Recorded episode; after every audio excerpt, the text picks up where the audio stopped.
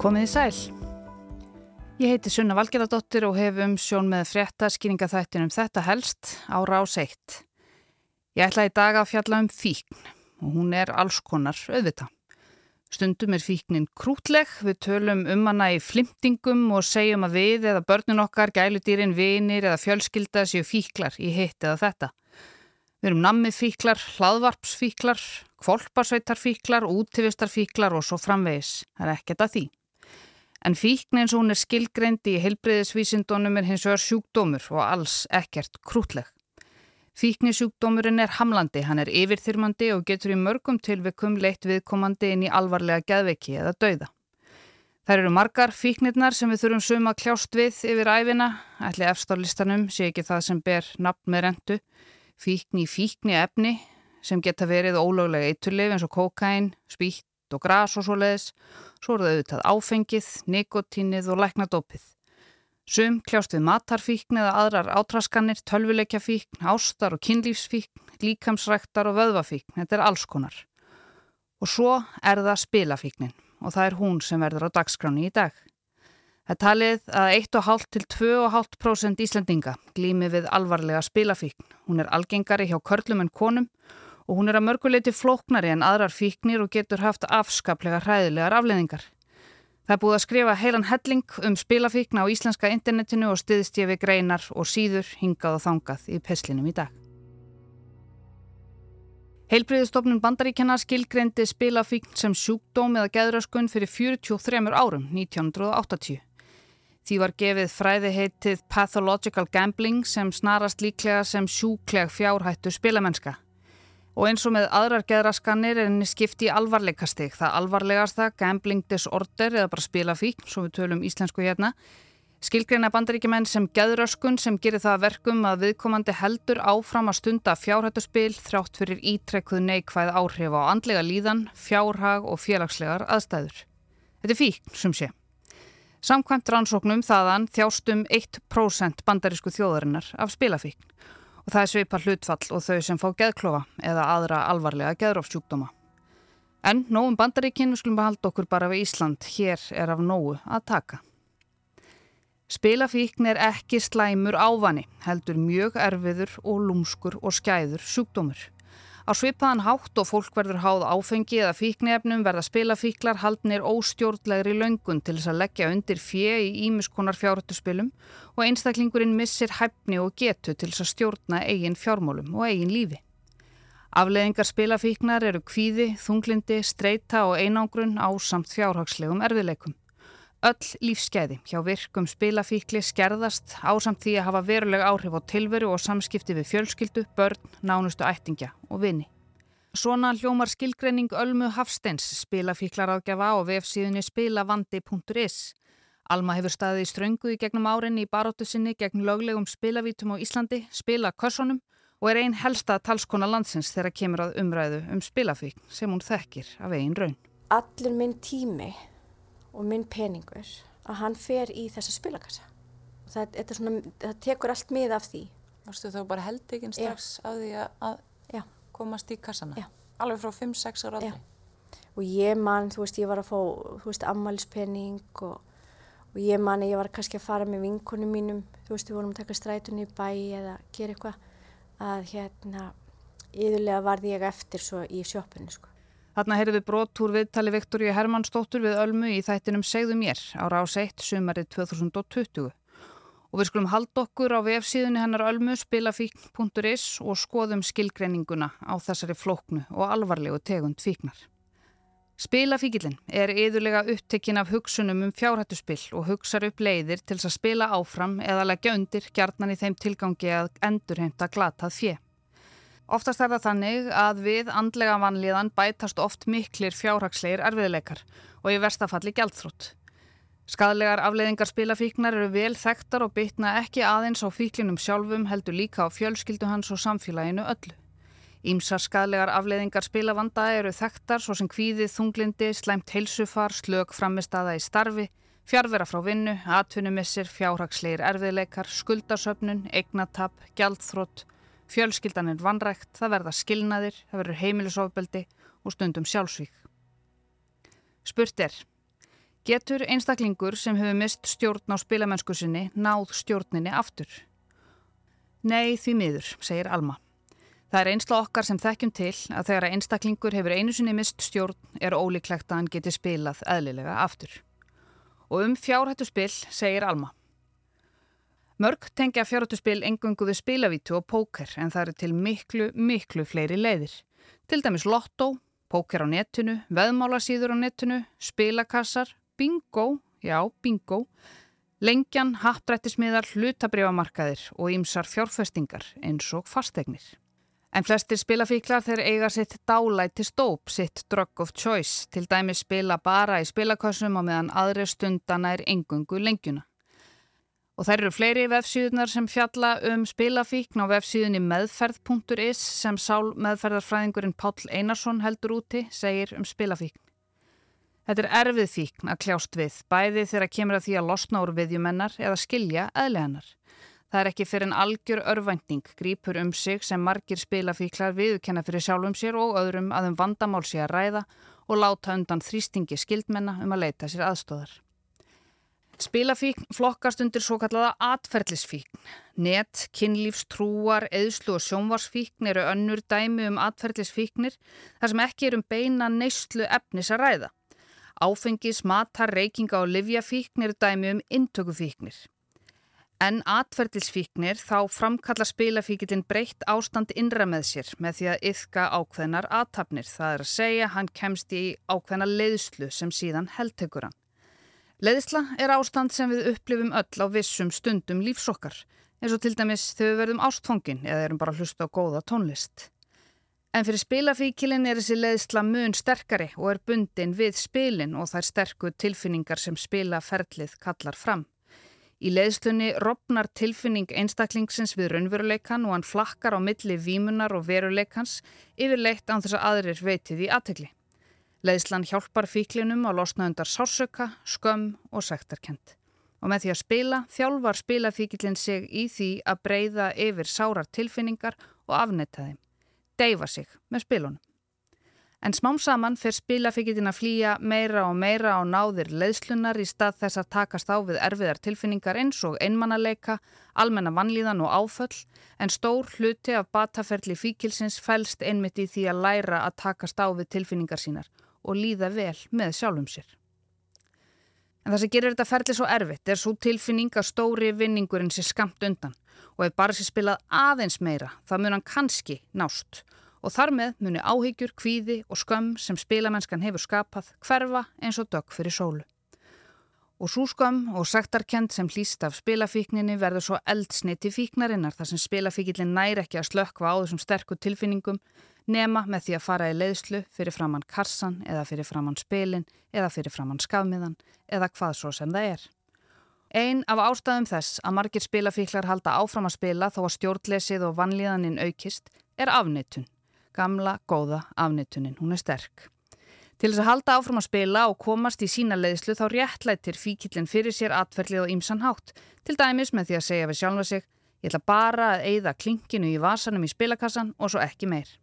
Útkoman verður þó oftast svo að öllum peningunum sem eru til reyðu er eitt í kassan því fíknin er svo sterk að ekki verður við neitt ráðið og mikil reyði og mikil sársöki sest ofta að hjá aðstandendum spilafíkilsins.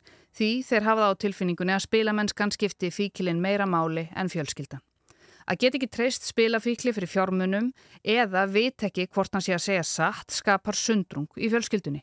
Og fjölskyldan þráist oft mjög mikið og dæmi eru um að mánaðar kaup hafi horfið á útborgunardegi og jafnvel heilu húsin verið seld vegna skulda og sá vannmáttur sem fjölskyldan upplifir getur hæglega leitt til þunglindis og króniskar vannlíðunar og ítt undir meðvirkni. Og það má með sanni segja að spilafíkn sé alls ekki engamál því vannlíðansú sem af henni hlýst snertir ekki einungi spilafíkilinn heldur alla hans nánustu fjölskyldu sem og vini og vinnuveitundur. Og að lokum segir sál meðferðarfræðingurinn Páll Einarsson er verðt að geta þess að bataferli frá spilafíkn hefst ávalt á því að láta af afnettun og viðurkenna fyrir sjálfum sér og öðrum að um vandamál sé að ræða. Fyrir en það gerist er lítið hægt að gera og þegar búið er að viðurkenna vandan er mikilvægt að sækja sér aðstóðar til þess að fá insýn inn í spilafíknina og stuðning til þess að halda sig frá fíkninni. Daniel Þór Ólason, professor í sálfræði við Háskóla Íslands, hefur gert nokkra rannsóknir á spilafíkna á Íslandi, bæði meðal fullorðina og unlinga. Þær síndu að algengi spilavanda unglinga var á bylunu 2-3% og þetta síndi líka að drengir voru miklu líklæri en stúlkur til þess að skeimast með spilavanda og mögulegir áhættu þættir spilavanda unglinga voru aðteklisbrestur með ofvirkni, reglubundin neysla áfengis og annara vímuöfna og reglubundin þáttaka í peningaspilum eins og spilakössum, póker og veðmálum á netinu. Þetta eru nokkuð gamlar rannsóknir hjá hann um Daniel en það er að finna viðtalviðin inn á vefsíðu háskólans þar sem hann segir að frekari rannsóknar sé þörf og það þurfið að koma á laginnar sérstakri meðferðar stöð hér á Íslandi fyrir spilafíkn. En það er líka til síða á netinu sem heitir lokum.is og henni er haldið úti af samtökum áhuga fólksum spilafíkn. Lokum vísar til lokana spilakassa og þar segir Árið 2019 tók sig saman hópur áhuga fólksum málefni spilafíkla og stopnaði samtök áhuga fólksum spilafíkn, SAS.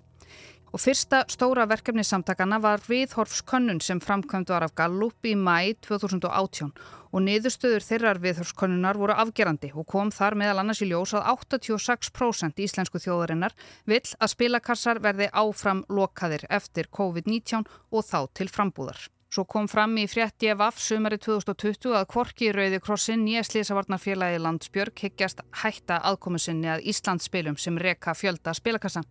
Spilakassar eru það fjárhættu spil sem er mest ávanabindandi, þrísvart til fjórusunum meira ávanabindandi en til að mynda póker eða íþróttaveðmál.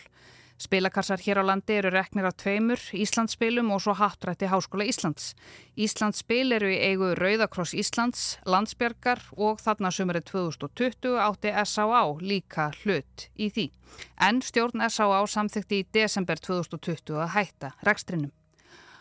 Og á lokum.is er hægt að skoða allskynns fróðleik og lesa reynslusugur fólks af heimi spilafíknar.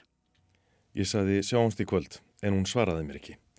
Það var í síðasta skipti sem ég sá hann á lífi. Þetta segir Bjarni Jónsson um móður sína sem var spilafíkill og hún svifti sér lífi þegar Bjarni var 13 ára. Pappi minn er spilafíkill. Þegar ég var barn tapaði hann aðlegunni, dætti í það og kerði fullur á tré. Ég held að hann hafi ætlað að drepa sig.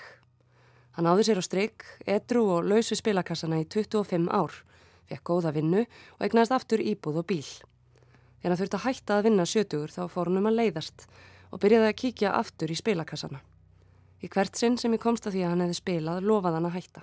Eitt daginn kom ég í heimsókn og hann sagðist fyrir að sína mér svo litið. Opnaði skuffu og hún var full af seglum. 350.000 sagði hann sem hann hafði unnið í spilakassa. Ég fekk áfall og ákvað að kíkja á netbankan hans sem ég fór inn á með honum mánaðarlega til að borga rekninga. Þá sá ég að peningurinn hans var horfin. Hann hafði eitt 1,1 miljón í spilakassa á tveimur vikum eftir hann vann þessar 350.000 krónur. Þetta segir ung kona á höfuborgarsvæðinu, Marja, um föður sinn. Einan nótt átti ég fyrir heilu einbílishúsi af bestu gerð. Næstu nótt átti ég ekki neitt. Í rauninni fór ég aldrei yfir mín mörg því spilafíkil sem er virkur á sér engin mörg. Hann þarf bara að verða sér út um fér til að geta spilað. Þetta er haft eftir manni sem heitir Árni og er komin yfir miðjan aldur. Hann hafi tapað 20 miljóna í spilakossum en hefur nú ekki spilað í 15 ár. Þetta eru sláandi frásagnir og því miður eru þær miklu, miklu fleiri. Bara núna fyrir nokkrum dögum byrtust fregnir hér af fótboltakempunni Eið Smára Guðjónsson þar sem hann fagnaði nýri reglubreitingu hjá ennsku úrvalstildinni í fótbolta sem bannar veðmálafyrirtækjum að auglýsa framann á treyjum liða í dildinni. Eiður tapaði sjálfur rúmum miljardi í veðmálum þegar hann var á toppi ferilsins. Vísir fjallar á um málið og vittnar í Daily Mirror sem tók viðtal við Eðsmára þar sem hann segist hafa tapað 6 miljónum punta fyrir 20 árum síðan, rúmi miljardi íslenskar króna. Þaraf hafa hann tapað 400.000 puntum, tæpum 70 miljónum á 5 mánuða tímabili. Og þarna fyrir akkurat 20 árum síðan þegar Eður tapaði miljardinum í fjárhátuspilunum byrtust fréttir um einmitt það. The People byrti frétt 2003 um að Eður hefði tapað um 50 miljónum króna í spilavítum í London og segist Eidur þar hafa leitaði spilavítin því hann var leiður og einmana en vilji nú standa upp sem víti til varnaðar fyrir ungt fólk sem glýmir við spilafíkn. Það koma því að ég skuldaði fjö vegna veðmálana. Ég er samt sem áður ánæður að geta staðið upp úr fjöldanum sem fordæmi fyrir ungt fólk sem stundar veðmál og getur ekki slitið sig frá þeirri yðju.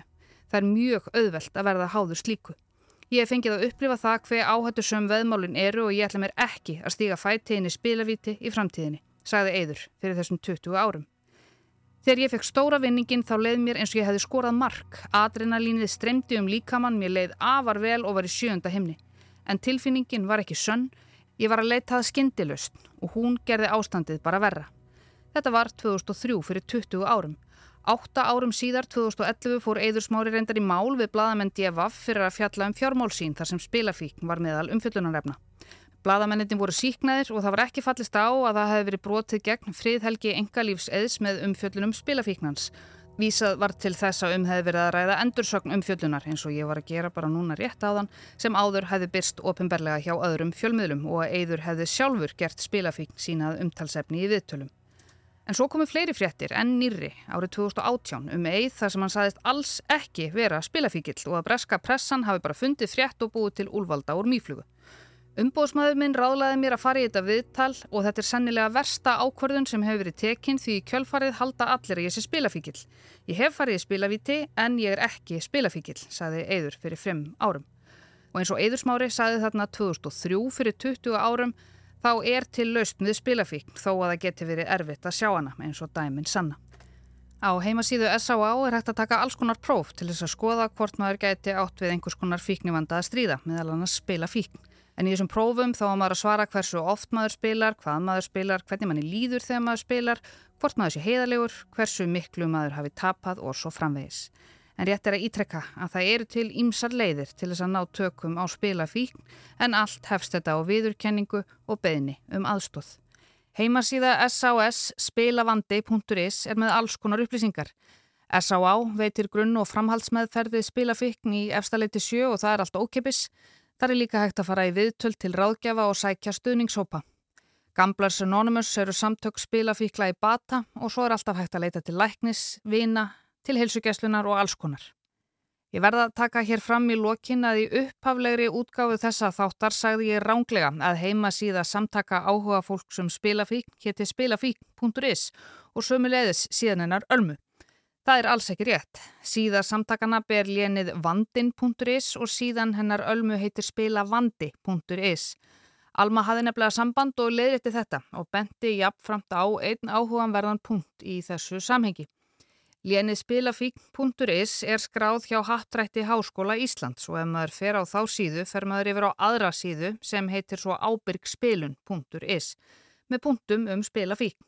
Alma segist hafa reynd að fá að kaupa lénið spilafík.is en hattrætti háskólans vill ekki láta það af hendi. Hún nefnir sem dæmi að ef átjófaferr heldi úti léninu alkoholismi.is sem myndi þá senda þig yfir á síðuna ábyrgdrykja.is. En þetta er sem sé vandin.is og spilavandi.is ekki spilafík.is. En ég heiti Sunna Valgeradóttir og spila fík, ekki.is var helst hjá mér í dag. Takk fyrir að leggja við hlustir.